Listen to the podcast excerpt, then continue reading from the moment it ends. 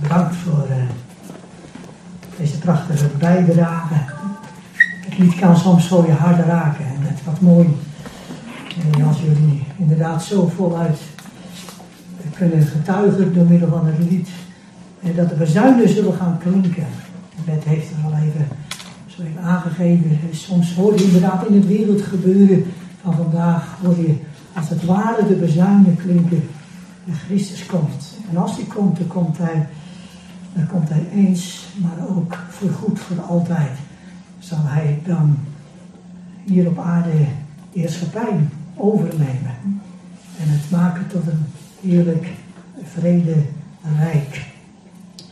Maar zover is het nog niet. En we staan nog uh, met onze beide benen op deze wereld.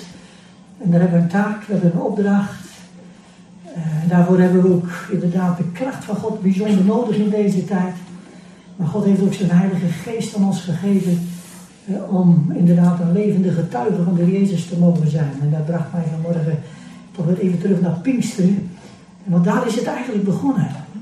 Op die hele bijzondere grote Pinksterdag, daar is het eigenlijk begonnen. Trouwens, de Pinksterzegen beperkt zich niet alleen maar tot één of twee dagen in het jaar. Ja, maar die Pinksterzegen die werkt door al 2000 jaar. En ook vandaag in u en mijn leven als het goed is. Ik wil teruggaan nog even naar Handelingen hoofdstuk 2.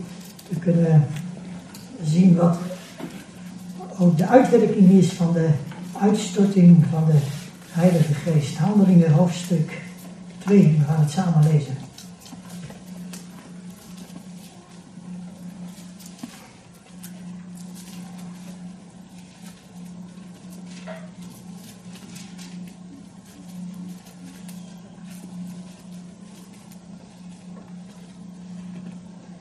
We lezen vanaf het eerste vers. Het boek Handelingen, tweede hoofdstuk, vanaf vers 1. En toen de Pinksterdag aanbrak, waren alle tezamen bijeen. En één klaps kwam er uit de hemel een geluid als van een geweldige windvlaag. En vulde het gehele huis waar zij gezeten waren. En er vertoonden zich aan hen tongen als van vuur, die zich verdeelden en het zette zich op een ieder van hen. En ze werden alle vervuld met de Heilige Geest en begonnen met andere talen te spreken, zoals de Geest het hun gaf uit te spreken. Nu waren er de Joden te Jeruzalem vrome mannen uit alle volken onder de hemel. En toen dit geluid gekomen was, liep de menigte te hopen en verbaasde zich, want een ieder hoorde hen in zijn eigen taal spreken. En buiten zichzelf van verwondering zeiden zij, zijn, zie, zijn niet al deze die daar spreken Galileërs? En horen wij hen dan in onze eigen taal, waarin wij geboren zijn, Parten, Meden, Elamieten, inwoners van Mesopotamië, Judea, Cappadocië, Pontus en Azië, Frigië en Pamphylië, Egypte en de streken van Libië bij Cyrene. En hier verblijven de Romeinen, zowel Joden als Jodengenoten.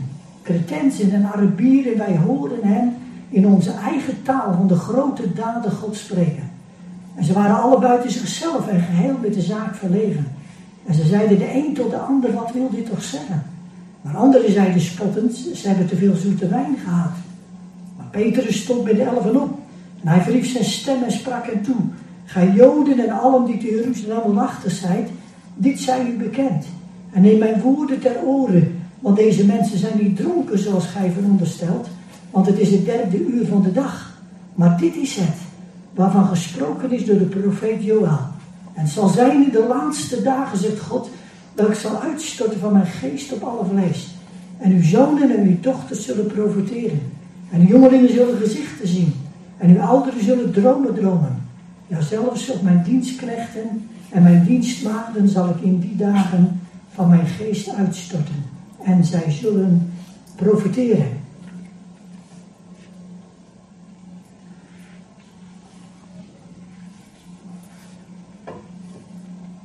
En dan denk ik allemaal wel het gezegde. Het water staat mij tot aan de lippen. Met het, uh, met deze spreekwoordelijke, dit spreekwoordelijke gezegde geven heel duidelijk aan. En dat de nood in ons leven toch wel heel erg hoog is. En de nood in het leven van heel veel mensen vandaag is ontzettend hoog. Het staat hen als het ware uh, als water tot aan de liep. Ik heb de afgelopen maanden zelfs wel mensen horen zeggen, ondernemers, winkeliers en de mensen die in de, in de, problemen waren gekomen door, uh, door de coronapandemie, van het, water staat me zelfs boven de lippen, zodat ik erin dreig te verdrinken. Nu is er voor een christen een kind van God ook nog een ander soort water. En namelijk het water van de Heilige Geest. En het is juist dat water wat ons tot aan de lippen moet komen te staan. En dat is inderdaad Gods bedoeling. Dat het water van de Heilige Geest rijk tot aan onze lippen. Precies zoals het inderdaad ook gebeurde met hè, die 120 volgelingen van de Jezus. Die eerste Joodse christenen daar in Jeruzalem. En toen weer Jezus de Heilige Geest uitstortte vanuit de troon in de hemel. En ook in het, in het hart van een ieder van hen persoonlijk steeg het water van de Heilige Geest direct tot aan hun lippen. En er staat, ze werden alle vervuld met de Heilige Geest en begonnen in andere talen te spreken. De Heilige Geest raakte hun lippen aan, waardoor ze heel spontaan begonnen te spreken en te getuigen van de grote daden van God. Dat was de eerste concrete uitwerking van de uitstorting van de Heilige Geest. 120 Joodse christenen. Getuigden met grote vrijmoedigheid tegenover duizenden Joden die daar bijeengekomen waren om het Pinksterfeest te vieren. Natuurlijk, allereerst moet de geest ons hart aanraken. En dat het leven steeds meer en meer vernieuwd zou worden. En veranderd naar het beeld van de Jezus Christus. En maar het is in onze tijd toch ook heel hard nodig dat onze lippen, onze mond weer wordt aangeraakt. Zodat we weer vrijmoedig gaan spreken. Hè, van de, grote wonderdaden van de Almachtige en de levende God. Het eerste en wat de Joden daar in Jeruzalem te horen en te zien kregen, waren vurige tongen. Er werd een bovennatuurlijk verschijnsel waargenomen. En boven de hoofden van die 120 volgelingen van de Jezus verschenen uh, vurige tongen. En vuurvlammen die een silhouet, een vorm hadden van een tong. En daarbij, dat was een duidelijke aanduiding, denk ik, waar vanaf Pinkster de nadruk op zou komen te liggen. Namelijk op een op het spreken met ze. Op een krachtig getuigenis. Een vurige prediking van het evangelie. Israël had een profetische roeping. Ten opzichte van de wereld. Israël was geroepen om de mond van God te zijn in deze wereld. Als er één volk was wat kon getuigen van de grote wonderdaden van God, was het Israël. De machtige wonderen die God in het midden van dat volk had gedaan. Zij konden ervan spreken. Zij konden ervan getuigen. Maar Israël miste de bezieling en de inspiratie van de geest. Met als gevolg dat ze zwegen. En de mond niet opendeden. Deze 120 Joodse christenen in Jeruzalem, die ontvingen de Heilige Geest, mensen. En ze konden niet zwijgen van de liefde van God. Ze moesten eenvoudig wel hun mond open doen. Weet u, eigenlijk wij ook vandaag als gemeente van de Jezus Christus, we hebben eigenlijk ook vandaag nog diezelfde profetische bediening, mensen. Tegenover de wereld. Om bekend te maken. De, ja, de machtige daden van onze grote God en onze uh, lieve heiland, de Jezus Christus. Maar helaas moeten we vaststellen dat we er vandaag ongelooflijk veel moeite mee hebben om onze mond open te doen. Terwijl de eerste christenen het juist ongelooflijk veel moeite mee hadden om hun mond dicht te houden. Hebben wij er heel veel moeite mee om onze mond open te doen. En we zwijgen. En dan kunnen we klagen. Hè? En dat doen we dan meestal ook als christenen. Zeker in deze tijd. En dat we zo'n beetje overschreeuwd worden door de postmoderne mensen. Met al zijn liberale, moderne opvattingen. over, noem maar op, over het huwelijksleven, relaties, seksualiteit. En al die Oosterse religies en filosofieën, die steeds meer reclame maken voor hun levensbeschouwelijke overtuiging. En daar in de media ook steeds meer ruimte voor krijgen. En wat denken we inderdaad van, hè, van de propaganda die de duivel Satan vandaag maakt? En voor al die occulte praktijken. Alternatieve geneeswijzes. Yoga en uh, allerlei andere uh, zogenaamde rustgevende uh, therapieën. Mensen worden door overspoeld. Ik weet niet hoe dat hier is, maar als ik ons in Hendrik Ambacht en die regionale krantjes lezen en al die advertenties, dan schrik je daar soms van. mensen komen inderdaad in de, in de duisternis komen ze terecht. En wij voelen ons als christenen steeds meer in een hoek geduwd. Waar we eigenlijk niet meer uit durven te komen. En dan onze stem wordt inderdaad niet meer, niet meer geluisterd. We worden steeds verder weggedrongen naar de marge van de samenleving. Maar hebben we dat eigenlijk niet min of meer aan onszelf te wijten? Niet helemaal, maar we hebben decennia lang hebben wij onze mond gehouden. Als spreken als kerk in het algemeen, onze mond gehouden. We hebben gezwegen. We hebben geen krachtig getuigenis meer gegeven van de grootheid en de liefde van de Jezus. We zijn niet meer uitgekomen voor de waarheid, voor de waarheid van het evangelie. En dan gaat het er niet om dat we onze proteststemmen alleen maar laten horen. En waar we allemaal tegen zijn. Ja, we zijn tegen abortus, we zijn tegen euthanasie. We zijn tegen het homohuwelijk. Maar we moeten vooral weer laten horen waar we voor zijn. Beter gezegd, voor wie we zijn, toch? Voor wie we zijn. Onze machtige, geweldige overwinnaar, onze redder, verlosser, de Jezus Christus. Wel tot vier keer in het Nieuwe Testament lezen we dat christenen moeten niet onmondig zijn, maar mondig. Dat staat heel vaak in het Nieuwe Testament. Een christen moet niet onmondig, maar mondig zijn. En mondig zijn betekent dat je ergens over mee kunt praten. En dat je ook weet waar je over praat. Nu zijn wij over het algemeen, denk ik, binnen deze vier muren. En binnen de vier muren van de kerk in het algemeen zijn we al aardig mondig, denk ik. Daar kunnen we ons woordje wel doen. En uh, ja, waar we, wel, we het wel mee eens zijn, waar we het niet mee eens zijn. En we, discussiëren over allerlei visies, gemeentevisies, bijbelse visies, allerlei theologische dogma's. En we komen uit voor onze standpunten, we komen uit voor onze mening. We laten ons inderdaad wel horen. Terwijl dat lang niet altijd opbouwend is voor de gemeente van de Heer, maar veel eerder heeft geleid tot een theologische spraakverwarring. En tot scheuring en verdeeldheid binnen de kerk van de Jezus Christus.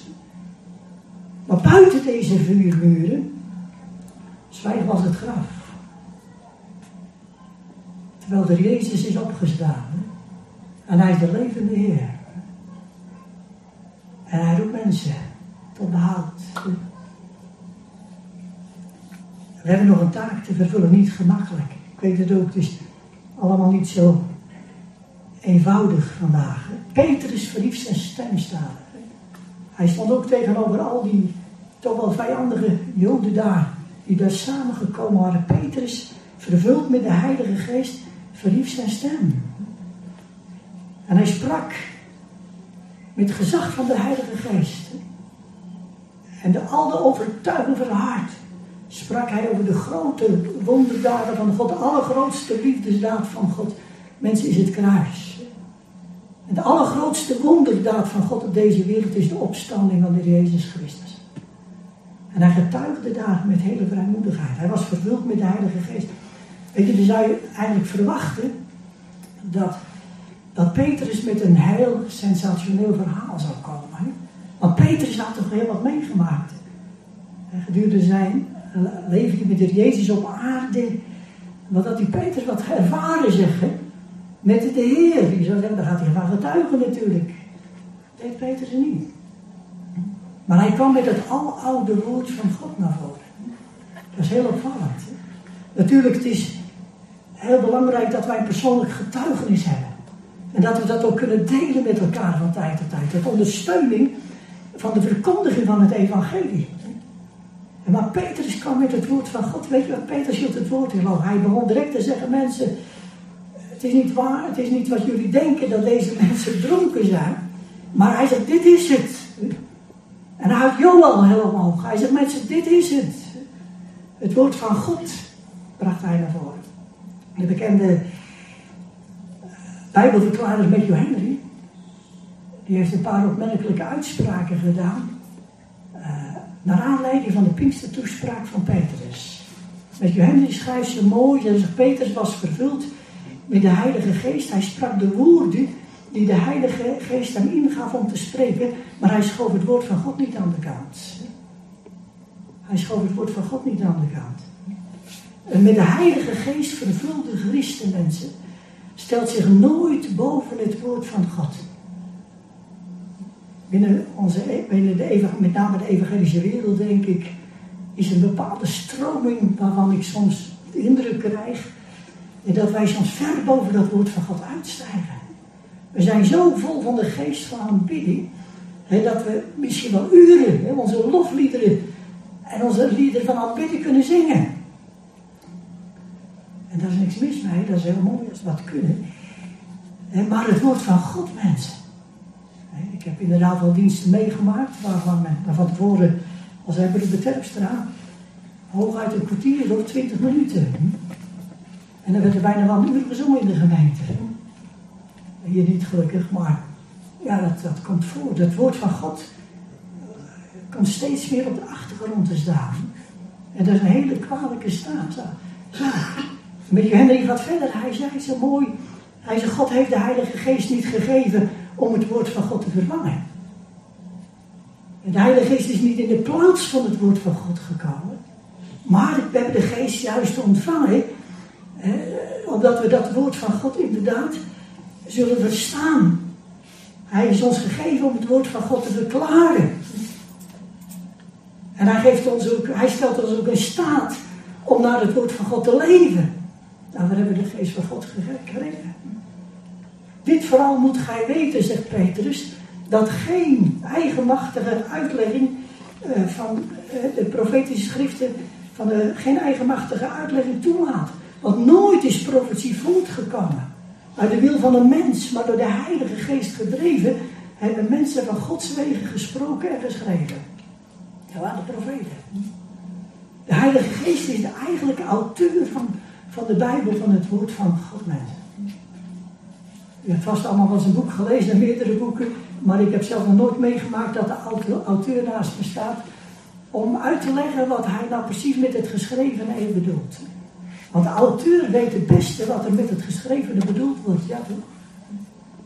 En daarvoor heeft u de Heilige Geest ontvangen. Wanneer de Geest der waarheid komt, zal hij u de weg wijzen tot de volle waarheid. Want hij zal niet uit zichzelf spreken, maar al wat hij hoort zal hij spreken en de toekomst zal hij u verkondigen. Weet je, de Heilige Geest leidt nooit van het woord af. Maar hij leidt altijd naar het woord toe en hij leidt altijd weer dieper in dat woord in. En hij, hij, hij houdt dat woord van ook levend voor u voor mij. Weet je dat? Dat is de geest van God. Mijn woorden, zei de Jezus, zijn, zijn geest en leven. Geen dode letters hoor. En dan gaat het niet om dat u elke dag misschien hoofdstukken moet lezen in de Bijbel. Maar ik hoop als u het woord leest, dan is het maar een klein gedeelte. En dan moet je om bidden of de Heer ook echt tot je hart wil spreken. Ik vond het zo mooi, u bent allemaal geabonneerd natuurlijk op in de Bijbel. Want Christian die, eh, die doet daar zijn best wel voor. Maar er staat een heel mooi getuigenis. Eh, een van de jonge Joodse mannen, u hebt het waarschijnlijk ook wel gelezen. Jullie hadden met grote letters en dat was prachtig. Die zocht het in allerlei alternatieven. Hij zat naar de waarheid. En ook in allerlei alternatieve filosofieën. Totdat hij een Nieuwe Testament in handen kreeg. En hij, hij ging lezen. Hè, en dat hij, hij zei, dit boek leeft. Dit boek leeft. Ze dit boek leeft. In tegenstelling tot al die andere boeken, dit boek leeft.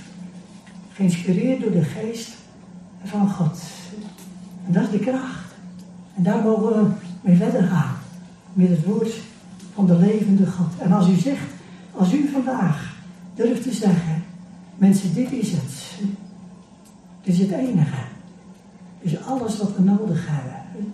Het woord, het levende, onfeilbare, eeuwige woord van God. Dan gaat u ook vanzelf zeggen, hij is het. Hij is het. Daar ging Peter eindigde hij mee. Peter begon te zeggen, mensen, dit is het.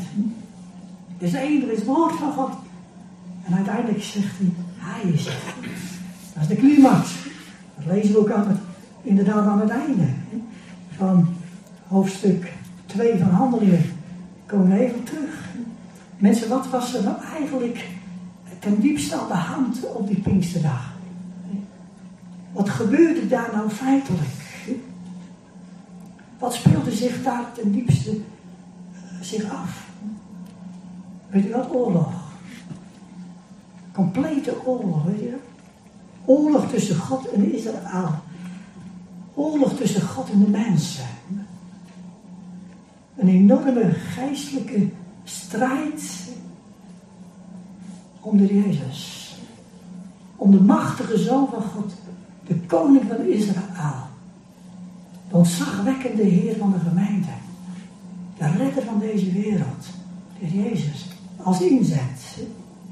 Waarvan de leiders van Israël en ook de machthebbers in die tijd dachten dat die strijd zo'n vijftig dagen daarvoor al gestreden was. En beslist in hun voordeel. Zij hadden de Jezus verslagen, toch? Toen zij daar aan het kruis hadden geslagen, was de strijd voorbij. Hij was geëxecuteerd. Hij was weg voor goed voorbij. In hun voordeel zijn. Zij waren de overwinnaars. Ja, schijnbaar. Hè? Schijnbaar, maar in werkelijkheid waren de grote verliezers. En was het een enorme blamage, een schande. Een strategische blunder tegenover de hemel. Want Jezus was niet verslagen dan. Hij zat als geweldige overwinnaar op de troon in de hemel. En dat blijkt ook wanneer inderdaad op die Pinksterdag de strijd weer in alle hevigheid losbarst. De strijd in alle hevigheid losbarst. God gaat opnieuw in de aanval. De hemel komt met een geweldig offensief. En God zet een machtig wapen in. Namelijk zijn geest. De geest van Christus. De Heilige Geest. En het is de Heilige Geest die Petrus en ook die andere 120 volgelingen van de Jezus mobiliseert. Hij inspireert hem, hij rust het toe tot de strijd. Petrus nogmaals, die komt naar voren. En die had een krachtig pleidooi, nogmaals, voor de, de waarheid van het evangelie. En de onfeilbaarheid van het woord van God. Op het gezag van de Heilige Geest. En hij schiet als het ware, zou ik willen zeggen, hij schiet als het ware het ene profetische projectiel naar het andere af. Ik weet niet of een Bijbel hebt een tekstverwijzing. Ik hoop dat u dat ook hebt, dat u ook eens een keertje dat bekijkt wat er allemaal onder staat. maar het is een, een aaneenreiging van allemaal profetieën. Joel 2, Psalm 16, zijn opstanding. Zijn hemelvaart, Psalm 110, zijn koningschap, 2 Samuel 7. Johannes 13, Jezaja 13, Jezaja 57. Hoort, allemaal machtige profetieën. Waarin God zijn strategie, zijn plan had vastgelegd met de Jezus Christus. En die worden hier als raketten, geladen met de dynamiek van de Heilige Geest, op Israël afgevuurd. Op al de Joden afgevuurd daar in Jeruzalem. En ze werden daar als het ware gewoon, ja, gebombardeerd, getorpedeerd met de overweldigende grootheid, majesteit, heerlijkheid van de Jezus Christus. Zeg, dat is erg vreselijk, zeg. Nee, dat is niet erg. Die 4000 raketten die Hamas op Israël heeft afgevuurd. En Israël die keihard terugsloeg. Dat was wel erg. Want Israël vertrouwt meer op de wapens dan op de heilige Israëls. Maar deze, deze raketten, die profetisch geladen zijn, dat doodt je niet, maar dat maakt dode mensen juist levend. Dat maakt dode mensen levend. Dat is de kracht van het woord van God, de Heilige Geest. Mensen, de Heilige Geest is helemaal gebonden aan het woord. Als auteur is hij gebonden aan het woord en zo innig verbonden. Die, nooit niet los van het woord. En dan moet je zien wat het resultaat is. Laten we even naar het einde gaan. Dat is de climax van de priestertoespraak van Petrus. En die mooie woorden die hij als laatste heeft uitgesproken in vers 36. Daar eindigt hij zijn toespraak mee. De dus moet ook het ganse huis Israël zeker weten dat God hem en tot Here en tot Christus gemaakt heeft. Deze Jezus die gij gekruisigd hebt. Amen. Daar eindigde de boodschap mee. Zeggen we amen. Daar eindigde de Pinkse toespraak van Petrus. En die Pinkse toespraak van Petrus heeft twee speerpunten. Dus het hoogtepunt, de climax. Namelijk wat wij, wat Israël, maar ook wat wij met Jezus gedaan hebben. En wat God met hem gedaan heeft en waar hem gemaakt heeft. Deze Jezus die gij gekruisigd hebt. Amen. Dat is. En moeten we dat dan beamen? Al die Joden die, die waren uit de hele wijde omgeving. Vanuit de hele regio waren ze daar naartoe gekomen. Uit Azië, Afrika, zelfs uit Europa. Er waren zo'n 15 verschillende eh, nationaliteiten aanwezig. Sprake er een talenwonder geweest natuurlijk. Enorm groot talenwonder. Dat uh, al die dialecten en talen zomaar spontaan gesproken werden. Maar het waren gewoon de natuurlijke bestaande talen die in die tijd gesproken werden. Maar dan gaat het niet verstaan. Ik zeg wel eens verstaan, maar inderdaad nog de, de taal. De taal van de hemel. Het gaat niet om de grammatica, het gaat niet om het vocabulaire van de taal, maar het gaat om de inhoud. En inhoudelijk spraken ze maar één taal. Het was de taal van de hemel. Dat was de taal van het verzoenend bloed van het lam. Waardoor we vergeving kunnen ontvangen. Het was de taal van het nieuwe leven. Door de opstanding van de Jezus Christus. Dat is trouwens ook de enige taal die in de hemel verstaan wordt. En waar in de hemel gehoord wordt. Waar horen wij vandaag nog die taal? Niet in de wereld. Daar hoor ik een hele andere taal. Daar hoor ik de taal van de goddeloosheid. Daar hoor ik de taal van de menselijke wetenschap die het bestaan van een God ontkent. Daar hoor ik de taal van de immoraliteit. Dat is een andere taal. Die wordt in de hemel niet verstaan. Daar hoor je naar. Maar één taal. Verstaan wij nog de taal, mensen, van het evangelie?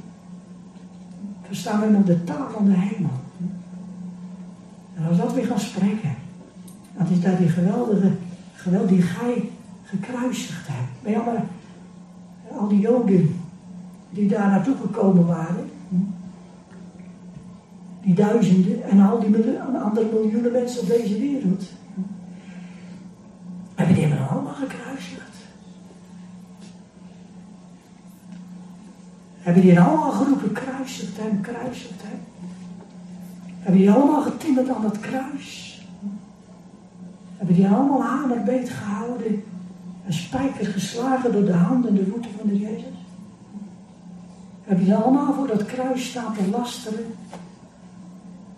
En te spotten. Nee, niet zo. Direct en concreet. Zoals de eerste groep die daarbij betrokken waren maar mensen geestelijk wel.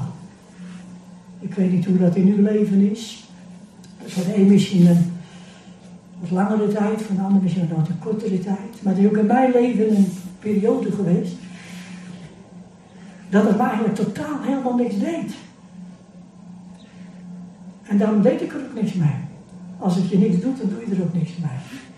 Ik vroeg me niet eens af, in mijn jonge jaren tijd, ik vroeg me niet eens af waarom de Jezus zich zo vrijwillig, zo weerloos, zo vol overgave daar zich overgaf aan het kruis. Ik negeerde dat gewoon. Zoals heel veel mensen vandaag het gewoon negeren. We hebben te maken met een nieuwe soort houding. Ik weet niet of je er een beetje op de hoogte bent, maar dat noemen we het apatheïsme. Niet het atheïsme, maar we hebben vandaag te maken met het apatheïsme. Mensen zijn wel apathisch. Je kunt het evangelie helemaal niet, mensen interesseren, helemaal geen interesse ergens voor. We leven gewoon maar door. En mensen weten, beseffen niet wat dat daar van Gods wegen is gebeurd op dat kruis. Dat de Jezus daar uit de liefde voor mij stierf van dat kruis. Om mij te redden. En dat liep me gewoon onverschillig. En vandaag zijn er ook heel veel mensen die het radicaal, radicaal aanwijzen. En dan kruisen, geestelijk kruisen we de Jezus dan opnieuw. En we bezondigen ons aan het bloed en het leven van de Jezus Christus. En dat is heel erg. De mens gaat niet verloren omdat hij een zondaar is, maar omdat hij de Jezus afwijst. Dat hij niet geloven wil. Dat is het allerergste. Die gij gekruisigd hebt. Ja, Heer, dat heb ik gedaan. Dat heb ik gedaan. Toen ze dat hoorden, staat er, toen zij dit hoorden in vers 37, werden zij diep in hun hart getroffen. En ze zeiden tot Petrus en de andere apostelen, wat moeten wij doen, mannenbroeders? En Petrus antwoordde hun, bekeert u in ieder geval zich laten zich dopen op de naam van Jezus Christus tot vergeving van uw zonden. En gij zult de gave des Heilige Geestes ontvangen. Want voor u is de belofte en voor uw kinderen en voor allen die verder zijn. Zoveel als de Heer onze God het roepen zal. En met nog meer andere woorden getuigde hij. En hij vermaande hen zeggende, laat u behoud u uit dit verkeerde geslacht. Mensen, het trof, al die profetieën, dat machtige woord van God als, als een raket trof het in één keer doel, staat er. Ze werden diep getroffen in hun hart. Het sloeg in als een bom. En dat was echt een voltreffer. 3000 mensen werden in één keer geraakt, diep in hun hart. En weet u, daar is het woord van God primair op gericht. Het evangelie op uw hart, op mijn hart. Op uw hart, op mijn hart.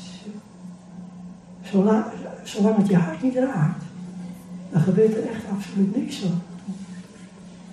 Het was niet zo dat de Joden daar toen ze Petrus hadden horen spreken van, dachten van, nou, dat is best interessant, Petrus, hè, wat je hier allemaal vertelt. Zeg, nog boeiend hoe je dat gedaan hebt. En we zullen daar zeker nog eens een keertje goed over nadenken. En we komen er misschien nog een keertje op terug. We komen, nee. Ze waren één keer, werden ze diep getroffen in hun hart. En dat woord treffen, dat is heel, las ik ergens in het Grieks. Dat woord treffen, wat hier gebruikt wordt, is hetzelfde woord wat ook gebruikt wordt bij de kruising van de Jezus. Die soldaten die een speer stak onder het hart van de Jezus om vast te stellen of hij gestorven was. En er kwam bloed en water uit. En dat woordje steken, dat wordt hier vertaald met treffen. Het betekent eigenlijk letterlijk iemand de doodsteek geven.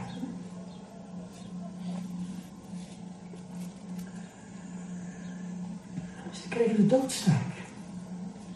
Ze waren helemaal verbroken. Geestelijk kapot. Hun hart. Wat hadden ze gedaan? De zoon van God afgewezen, de zoon van God gekruisigd. En dat God ook daar nog zijn hand in heeft gehad. Om, en zijn plan daar heeft uitgevoerd, zijn reddingsplan, kon helemaal niet meer begrijpen. Ze waren diep verslagen. Ze waren ten einde raad, ze waren innerlijk verbroken. Mensen, daar begint echt de bekering bij hoor. Niet van neem de Jezus dan maar aan en je wordt zo gelukkig en je wordt zo blij, maar dat je innerlijk voelt. Ze voelden zich zo diep schuldig. Ze hadden zo'n diepe rouw over wat ze gedaan hadden.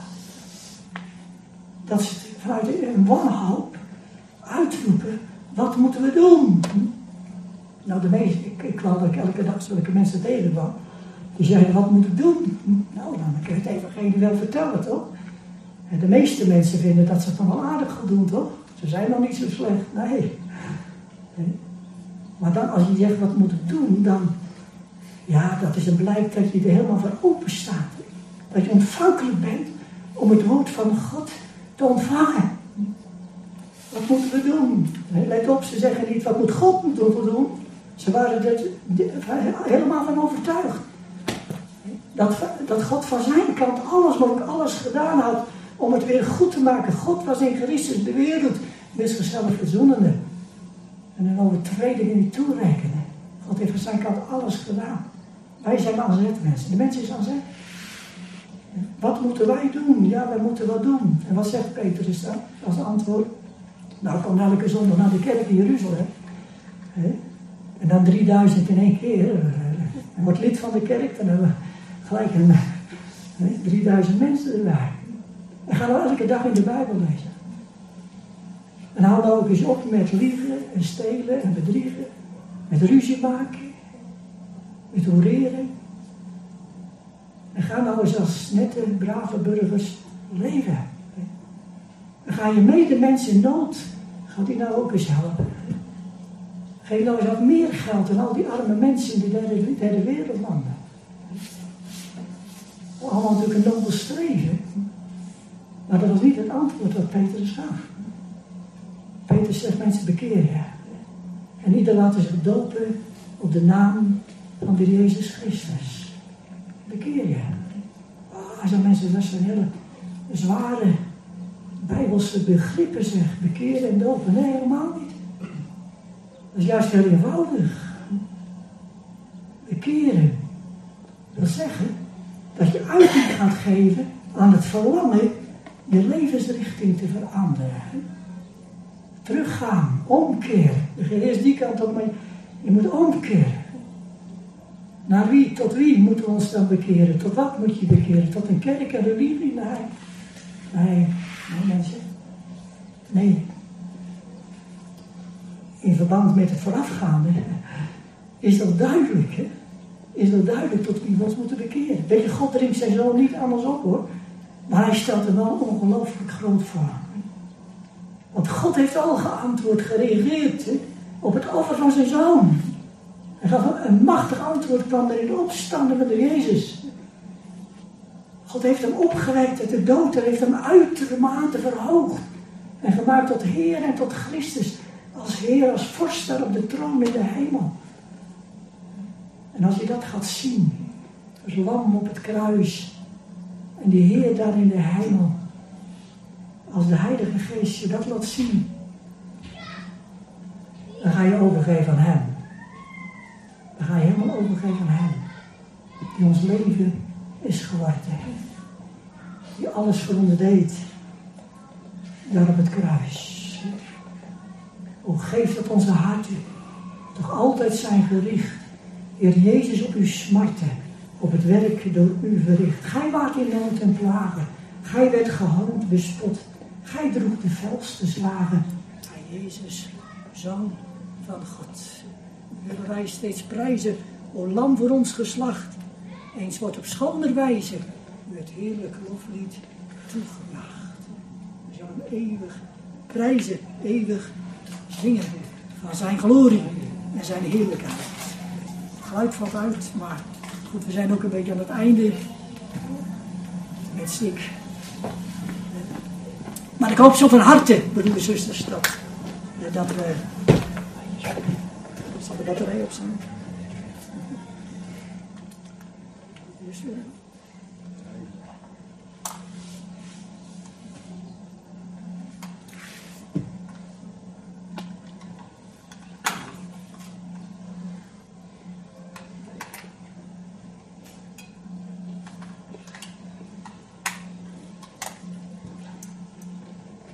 jongen,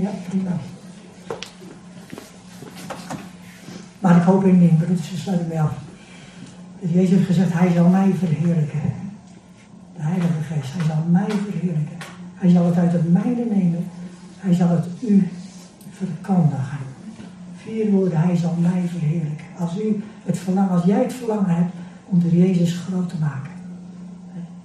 Hem alle eer, alle hulde te brengen. Hem te prijzen. Grote achten. Dan komt dat overeen met het grote levenswerk van de Heilige Geest.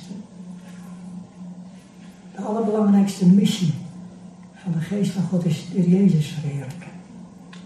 Hem groot maken. In het hart waar Jezus in verheerlijkt wordt, daar voelt de Heilige Geest zich volkomen thuis. Het lijkt een klik met de Geest van God. Want het is hem maar uit het hart gegrepen. Het is hem uit het hart gegrepen, ook bij u. Laten we hem maar groot maken. Glorie voor zijn naam. Amen. Laten we danken. Vader in de hemel, wil u zo danken dat we jullie deze morgen onder de klanken van uw woord mochten zijn. Heren, u bent niet veranderd. We leven een andere tijd dan 2000 jaar geleden. Heer, in de tijden worden niet gemakkelijker op. De toestand in de wereld, de rampen die de aarde treffen. Duizenden miljoenen mensen die op de vlucht zijn. Heer God, maar ook de toenemende onverschilligheid. Mensen die niet meer vragen naar u, de almachtige, levende God. Heren, we willen bidden of u zich nou wilt ontfermen. En dat u inderdaad nog mensen wilt aanraken. Heer, wilt u ons daar maar voor gebruiken. In alle eenvoud. Heer, we zijn misschien niet allemaal in die zin evangelisten. We hebben niet allemaal dezelfde gaven. Heer, maar mogen in de eerste plaats onder onze leven heen. Mogen tonen dat we u lief hebben, Heer Jezus. Omdat u ons eerst hebt lief gehad omdat hij alles heeft gedaan om ons uit deze tegenwoordige boze wereld weer te verlossen en over te brengen in dat hemelse heerlijke koninkrijk waar u de vredevorst bent. Heer, dat onze weg ook nog in blijdschap kunnen gaan. Heer, ondanks, Heer, alle tegenstand ondanks alle moeilijkheden en zorgen die we ook hebben in het leven. Heer, dat we op u blijven zien en geloven, Heer, dat dat plan dat u al van voor de grondlegging der wereld, Heer, hebt gemaakt dat u met dat plan, dat u dat, Heer, dat u, dat, dat u daarmee doorgaat en zat, Heer, het een geweldig einde zult brengen. Heer, we hebben hoop, Heer, op een heerlijke toekomst bij u. Heer, we zien uit naar uw komst. Vader in de hemel, dank u wel. Zegen ons zo, als we straks weer van hier gaan, de nieuwe week ingegaan zijn. Heer, wees met ons, geef ons uw kracht en uw genade. We hebben de trooster in ons hart. We hebben niet de geest van afhartigheid om opnieuw te vrezen, maar van kracht van bezonnenheid, van liefde. We hebben de kracht van het getuigenis in ons. Heer, werk het maar alles uit in ons alle leven. Dat vragen we allemaal uit genade. En in de naam van onze diepere heiland, Jezus Christus. Amen.